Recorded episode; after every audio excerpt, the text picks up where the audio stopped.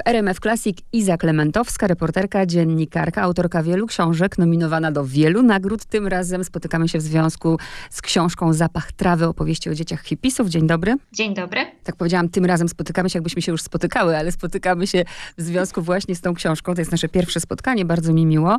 Takim zainteresowaniem przeczytałam naprawdę tę książkę i, i nic w niej nie jest czarno-białe. I ja się zastanawiałam, jakie ja mam zadać pytanie, jak prawdopodobnie na żadne z tych pytań nie będzie jednoznacznej odpowiedzi. I stwierdziłam, że może tak. Zresztą pani to wyjaśnia w tej w książce, że samo wyjaśnienie, kim jest hippies, jest bardzo trudne, więc ja zadam takie pytanie. Każdy z nas miał jakieś wyobrażenia, jakieś wspomnienia. Pani wyobrażenia, zanim w ogóle zaczęła pani pracować nad tą książką na temat takiego stereotypowego hippisa, to jakie były? Myślę, że takie jak wszystkich, chociaż moje życie akurat tak się ułożyło, że od jakiegoś czasu po prostu stykam się z osobami, które można by było nazwać, że są hipisami, chociaż właśnie tutaj dobrze pani poruszyła ten temat. Y, oni sami po prostu nie wiedzą, jak siebie definiować i czy przede wszystkim trzeba się definiować. Co to znaczy być hipisem? Czy to znaczy, że to osoba, która kocha wolność, czy to jest osoba, która kocha muzykę, czy to jest osoba, która pali coś, czy jest to osoba, która, która jest przeciwko wojnie, czy jest to osoba, która nie je mięsa. Y, kim jest, kim jest hipis tak naprawdę? E, czy to jest osoba, która, która po prostu nie chce w żaden sposób być podporządkowana jakimkolwiek e, regułom i zasadom, e, a raczej jest wierna powiedzmy jednej zasadzie, a właściwie określeniu dropout, czyli odpadnij.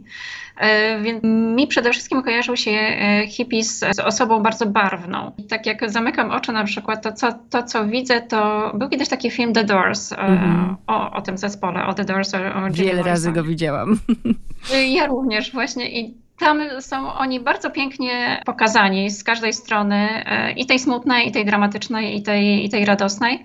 Ale jeśli w jakikolwiek sposób można by było sobie ich wyobrazić, to ja widzę obrazy z tego filmu. Nie wiem zupełnie dlaczego, ponieważ e, my tu w Polsce mamy również e, przecież na przykład fantastyczny zespół Osjan, który wyrósł właśnie na, tych, na, na tej bazie jakby hipisowskiej, czy, czy Manam, prawda? I jakby mamy te swoje obrazki polskie, polskich hipisów, ale jakoś tak w, w głowie głowie widzę tamten obrazek, zupełnie nie wiem dlaczego. No i tak mi się jakoś e, hipisi zawsze e, kojarzyli, mhm. czyli, czyli barwnie, ale też osoby, które są bardzo aktywne, jeśli chodzi o, o domaganie się jakiejkolwiek wolności i, i nieużywanie e, broni, czy w ogóle, czy ktoś, kto jest po prostu przeciwko wojnie jakiejkolwiek, agresji, nienawiści, e, również słownej. Tak, ja właśnie jak w tym kontekście, jak myślę w ogóle o ruchu pacyfistycznym i o w ogóle o wolności i postrzeganiu, to mogę powiedzieć śmiało, że też jestem hipisem jeśli by w tej kategorii myśleć. Aczkolwiek trudno mi sobie wyobrazić, ale to też do tego dojdziemy, jak bardzo ludzie się zmieniają. Mam na myśli marszałka tak, naszego, tak, tak. Y, y, pana Ryszarda Terleckiego, Welpies i muszę zapytać, bo nie wytrzymam z tej ciekawości, czy próbowała pani też go jakby pozyskać do tej książki? Tak, ja próbowałam się kontaktować z jego biurem poselskim, ale niestety bez odzewu. To było kilka lat temu. Próbowałam dwa czy trzy razy, no i po prostu e, nie, nie wiem, być może nie, nie dostałam żadnej odpowiedzi, więc nie wiem, czy na przykład moja wiadomość e, być może trafiła do spamu, a być może celowo mi nie odpowiedziała powiedziano, nie chcę tutaj wnikać, jakie były powody. Można się domyślać. Zanim, tak, zanim, zanim wejdziemy do, do książki, mm, świetny, ale świetny i dwuznaczny tytuł, Zapach trawy. Byłam ciekawa, czy to był pomysł i czy nie było zastan takiego zastanowienia się w wydawnictwie, czy, czy aby na pewno? Nie było nawet przez sekundę. Y, to był mój pomysł, y, jakoś y, osoby, które można by było określić jako hipisów, no to one są oczywiście bardzo mocno związane z naturą i ten kontakt z naturą, z Matką Ziemią, z drzewami, z wodą mają po prostu bardzo, bardzo mocną. No i samo to, że, że większość z nich chodziła bądź chodzi boso po, po, po ziemi, uwielbia to, mieć to połączenie jakby z, z ziemią, czuć tę ziemię i czu, czuć właśnie trawę. Po prostu ten, ten tytuł mi się pojawił niemalże e, natychmiast, kiedy zaczęłam pracować nad tą książką, kiedy nawet już zaczęłam e, o niej myśleć w jakiś tam sposób. No bo wiadomo, no, trawę, my, my, my, my używamy tego określenia w stosunku do marihuany. Mm. Również takie, takie potoczne jest powiedzenie na, na marihuanę, więc, e, więc tak, moim zamiarem było to, żeby był to dwuznaczny tytuł, i, a już jak sobie ktoś to będzie um, interpretował, to już jest jego. Ale pomysł świetny. Rzeczywiście tam um, przez całą Dziękuję. książkę jakby czuć um, pani zamysł i ten zapach trawy się pojawia, ale podoba mi się ta zabawa. No i teraz tak, ja zacznę od Tomka, bo od tego też pani zaczyna książkę, od swojego bohatera, bo to są opowieści o dzieciach hipisów, zresztą tutaj kompozycyjnie za chwilę pani powie, jak zbudowała tę książkę, ale też pomyślałam o tym, kiedy, ja to aż muszę zacytować, bo to jest na samym początku, nie opowiedział mi nic ani tego dnia, ani następnego, ani przez kolejne tygodnie. Od razu muszę zapytać o czas powstawania tej książki, bo przecież, żeby zdobyć zaufanie tych ludzi, żeby w ogóle chcieli wracać, bo jak się okazuje, nie dla wszystkich to są miłe wspomnienia, no to trzeba było czasu i samozaparcia. Tak, no ja nad każdą książką, nad którą pracuję, to nie jest, to nie jest rok, czy nie jest dwa. Jeśli miałabym określić jakąś średnią, to chyba jest jakieś pięć lat. One wszystkie mi się jakoś tak e, zazębiają. Więc ja o tej książce zaczęłam już myśleć, kiedy pracowałam nad e, poprzednią książką e, Skórą Witamy Uchodźców, e, właśnie o uchodźcach. Zresztą wyjaśniam to w książce dlaczego. I ja najpierw zaczęłam od rodziców dzieci hipisów, ponieważ to jakby tak troszeczkę logiczne mi się wydawało, że najpierw trzeba poznać rodziców, żeby, żeby móc poznać dzieci, jakby, czyli najpierw trzeba poznać te, te podstawy i tę podszewkę, żeby później móc pójść dalej. Więc paradoksalnie ja Tomka poznałam na samym końcu pracy nad książką, właściwie na końcu. Powiedzmy, że był to jeden z ostatnich bohaterów, którego ja poznałam i którego opisałam. Więc jeśli miałabym to jakoś określić w czasie, to może 5-6 lat temu zaczęłam myśleć o tej książce, więc to już jest kawałek. Przeważnie. Znaczy, nie chcę teraz generalizować, ale nie ma tak wielu bohaterów w tej książce, jakbym się spodziewała. Ja ich jestem w stanie wymienić, pamiętać ich historię, bo gdyby ich tu było, nie wiem, naprawdę dużo, to bym się mogła w tym pogubić. I teraz moje pytanie jest związane z tym, czy jest ich tak niewielu, dlatego że trudno było w ogóle znaleźć takie dzieci, trudno było namówić ich do, do opowieści, czy taki po prostu był plan? E, nie, nie, nie, żadnego planu oczywiście tutaj nie miałam. Ja zawsze rozmawiam z tyloma ludźmi, z iloma mogę i którzy zgadzają się na rozmowę a że raczej nie jestem taka, że tak strasznie namawiam i namawiam i namawiam do rozmowy, no to, to, to, w pewnym momencie po prostu się wycofuję. Również w przypadku Tomka miałam takie momenty, że pomyślałam sobie, że no, no, no trudno, no nie porozmawiam z nim, chociaż, chociaż wiem, że historia jest piękna, ponieważ poznałam tę historię najpierw piękna i dramatyczna, mhm. e, ponieważ poznałam najpierw tę historię ze strony jego ojca. Więc e, tak, miałam pewne trudności, żeby rozmawiać e, z dziećmi hipisów. Z tym, że zastanawiałam Zastanawiałam się właśnie, czy to chodzi o, o, sam, o sam temat, na przykład bycie wychowanym przez hipisów, czy po prostu trafiałam akurat na ludzi, którzy niechętnie e, chcieliby się dzielić e, swoim dzieciństwem. Ja również tak mam, że ja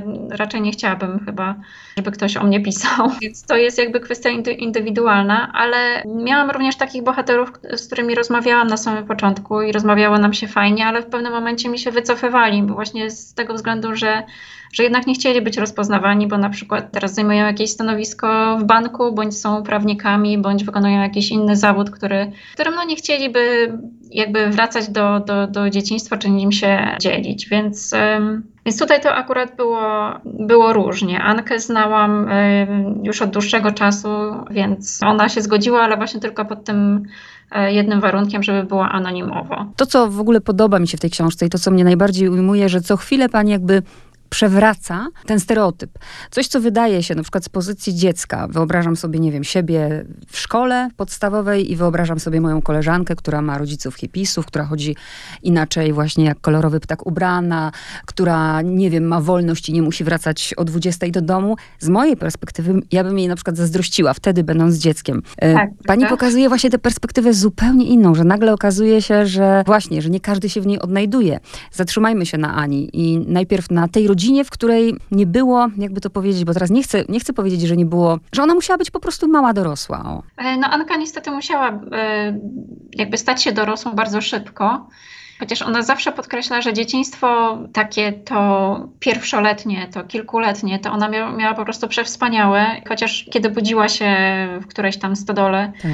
E, i, i, nie odnajdywała mamy, ona cały czas jednak czuła ten lęk rano. Chciała znaleźć tę mamę, ponieważ te stodoły, chociaż mimo, że ona je znała w jakimś tam stopniu, ale codziennie czy tam co kilka dni były one inne i ona nie była pewna, czy ta mama jest, więc miała takie dzieciństwo podszyte lękiem, ale też takie bardzo radosne. Ona jak opowiadała o, o tym, kiedy miała kilka kilka lat, no to po prostu to był tylko śmiech, zabawa, taniec, rysowanie, gdzie się da, bo również u nich w domu po prostu ich tata pozwolił jej i jej bratu po prostu malować po ścianach i w ogóle robić co sobie chcą po prostu w tym domu i, i, i ten dom jest rzeczywiście urządzony przez dorosłych i przez dzieci. Ale z drugiej strony w pewnym momencie, kiedy Ania poszła do szkoły, zderzyła się jakby z, właśnie ze szkołą, z tym systemem takim, który wprowadza dyscyplinę, jakiś takim, taki troszeczkę może reżim, taki takie poukładanie, którego ona w domu e, troszeczkę nie miała, to ona nie potrafiła się w tym odnaleźć i, i zaczęła w pewnym momencie lawirować między dwoma światami, tym, który jest w domu i tym, który jest e, w szkole.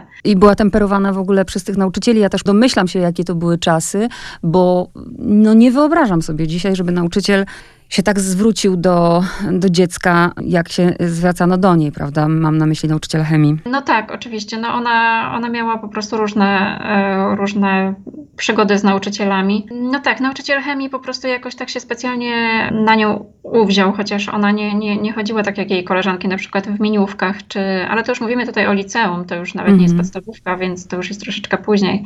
On po prostu cały czas zwracał uwagę jakby na nią, bo ona wyglądała troszeczkę inaczej, nosiła inne sukienki, trochę dłuższe, w ogóle nie, nie, nie nosiła żadnych dekoltów, a on po prostu jakoś tak, no seksistowsko do niej po prostu podchodził i dzisiaj można by było e, powiedzieć, że być może ją nawet i molestował, mhm. e, czego ona wtedy również e, jakby no nie rozumiała, no bo skąd też, prawda? Czuła się z tym nieswojo i, i, i, nie, i niepewnie, no ale też, e, też właśnie te wszystkie opinie o, o hipisach, które wygłaszał ten, ten nauczyciel, no to, no to takie właśnie stereotypowe, które, które również e, teraz ja czasami spotykam, e, kiedy właśnie rozmawiałam ze znajomymi czy z innymi ludźmi właśnie o, o, o pracy nad tą książką, to, to często słyszę właśnie, no tak, no hipis to przecież ćpa i się kocha na wszystkie możliwe strony i z każdym. No a to akurat no, nie, nie do końca tak to wyglądało. To jest też y, nawet i dobre, bo my w ogóle lubimy generalizować, lubimy coś sobie ocenić,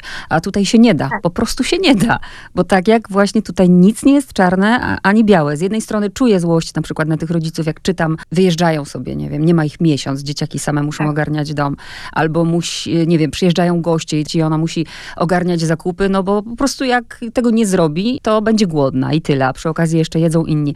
A z tak. drugiej strony, no, no, no nie da się tutaj po prostu mieć jakiegoś jednego zdania. No nie, ponieważ y, oni wszyscy, każdy z którym rozmawiałam, czy to rodzice, czy to dzieci, oni każdy, każdy był jakby inny. Każdy czym innym się interesował, chociaż te punkty wspólne jednak, jednak są. To zainteresowanie na przykład buddyzmem, hinduizmem, mm -hmm. czy nie wiem, metodą naturalnych, metodą naturalną jakąś leczenia, czy... Czy, czy to, że czy nie jedzą mięsa, bo prawie wszyscy tam nie jedzą mięsa. Mhm. Tak, tak, tak. Oczywiście te wszystkie punkty styczne są, ale no, jakby każdy z nich też robi coś innego w życiu i w jakiś tam inny sposób wychowywał te dzieci. I tak samo te dzieci są inne. Anka jest lekarzem, prowadzi teraz bardzo uporządkowane raczej życie, takie konwencjonalne, mieszka w mieszkaniu, ma, ma dzieci, tylko po prostu przygarnia psy. W tym momencie już ma pięć na przykład. Ojej. Kiedy pisałam książkę, miała trzy.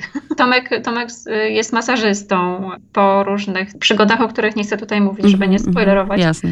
Jak czytałam o tym psie, to trzymałam kciuki, co ten mąż powie.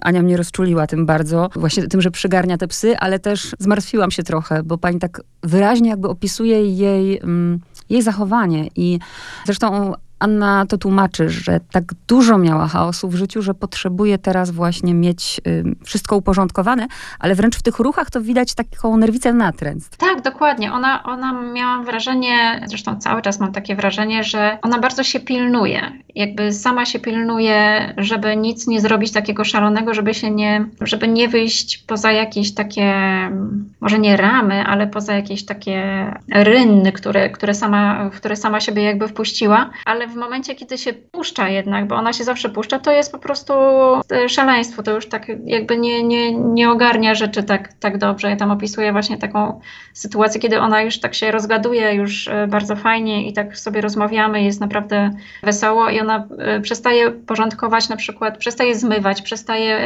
układać wszystko tak jak w rządek, tak jak, tak jak miała wcześniej, czy na przykład miski psów. Pozwala, żeby one, żeby woda się wylewała, czy gdzieś tam się one po prostu ustawiły nie tak, nie tak tak jak, jak zazwyczaj, więc ona jakby pilnuje się troszeczkę, żeby, żeby nie iść jakby drogą e, rodziców, żeby trzymać ten porządek. To może się wydawać takie trochę dziwne, z jednej strony, ale z drugiej strony, no jakby też ją rozumiem. Właśnie, można być dzieckiem hipisów, a jednak mieć inne potrzeby. Z kolei Jacek poszedł taką samą drogą jak rodzice. Tak, dokładnie. No on to poszedł zupełnie, no po prostu chyba 200% nawet, jeśli nie, bo nie wydaje mi się, żeby to było 100%, ponieważ on mieszka w lesie, w tym samym domu, w którym się urodził nawet. Pokazał mi to miejsce po prostu, gdzie spadła miska akuszerce i, i jest to fajne wgłębienie w, w podłodze właśnie. On jak na razie po prostu no nie pokazuje dzieciom ani telewizora, ani komputera. Kiedy ja tam przyjechałam, miałam komórkę i ta komórka w pewnym momencie po prostu zaświeciła się, bo tam zasięgu nie było, ale jakiś tam widocznie złapało na chwilkę i po prostu odezwało mi się coś w telefonie. To te dzieci po prostu wpatrywały się w to jak e, w jakiś taki magiczny troszeczkę obrazek. Mhm. E, I Jacek sam po prostu się, znaczy sam sobie zadaje takie troszeczkę pytanie, czy, czy on czy on przypadkiem dzieciom czegoś jednak nie odbiera? Tak, ma, tak. ma to z tyłu głowy. Tak jak porównanie z tym jego szwagrem, prawda, który nie rozumie tego stylu życia. A ja w Jacku, bardziej w tej historii o Jacku, to podziwiam jego żonę, bo tak naprawdę ona skończyła studia, wychowała się w dużym mieście, miała zupełnie inne zaplecze niż on, a jednak tam została. Tak, dokładnie. Ja ją też podziwiam. Ja ją też podziwiam, bo ona po prostu z dużego miasta wyjechała i praktycznie zostawiła wszystko tam, co, co miała. Spakowała tylko po prostu kilka ubrań. Właściwie stamtąd nie wyjeżdża. Jeśli ktoś do niej przyjeżdża, jej rodzice na przykład, czy, czy w ogóle rodzina, e, to właśnie do nich się przyjeżdża, a oni nie wyjeżdżają. Więc i ona tak naprawdę powiedziała mi, że ona nie pamięta, kiedy ona była na przykład w Krakowie, czy, czy o Warszawie już nie wspominając, a nad morzem to już w ogóle. Ale zupełnie jej tego nie brakuje.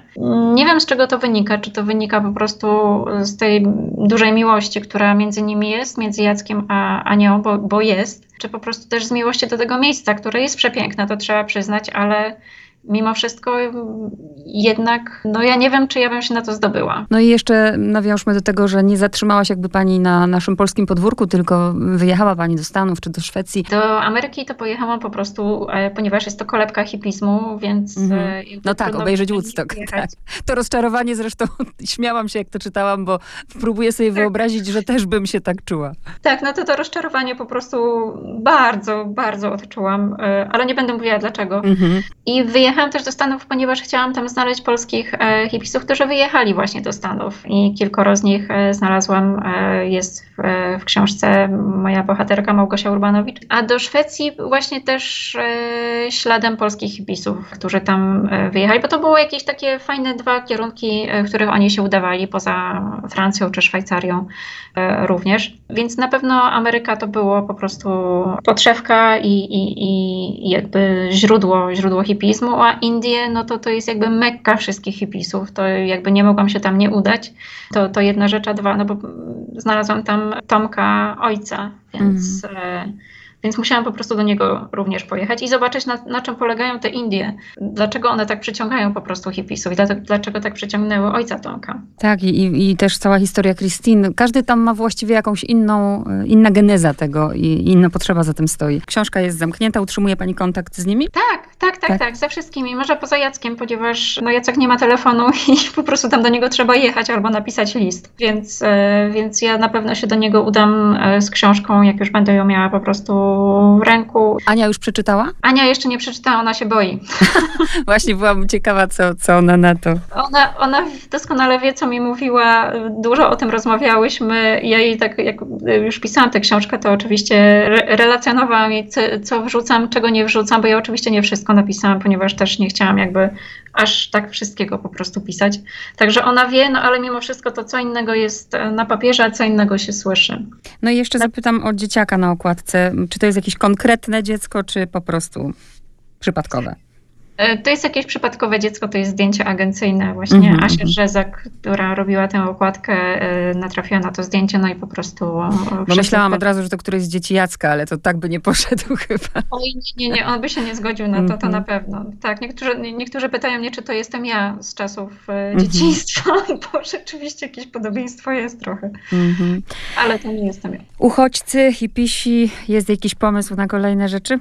Jest, ale nie mogę mówić. Aha, no to w takim razie do usłyszenia i dziękuję bardzo za rozmowę. Dziękuję bardzo.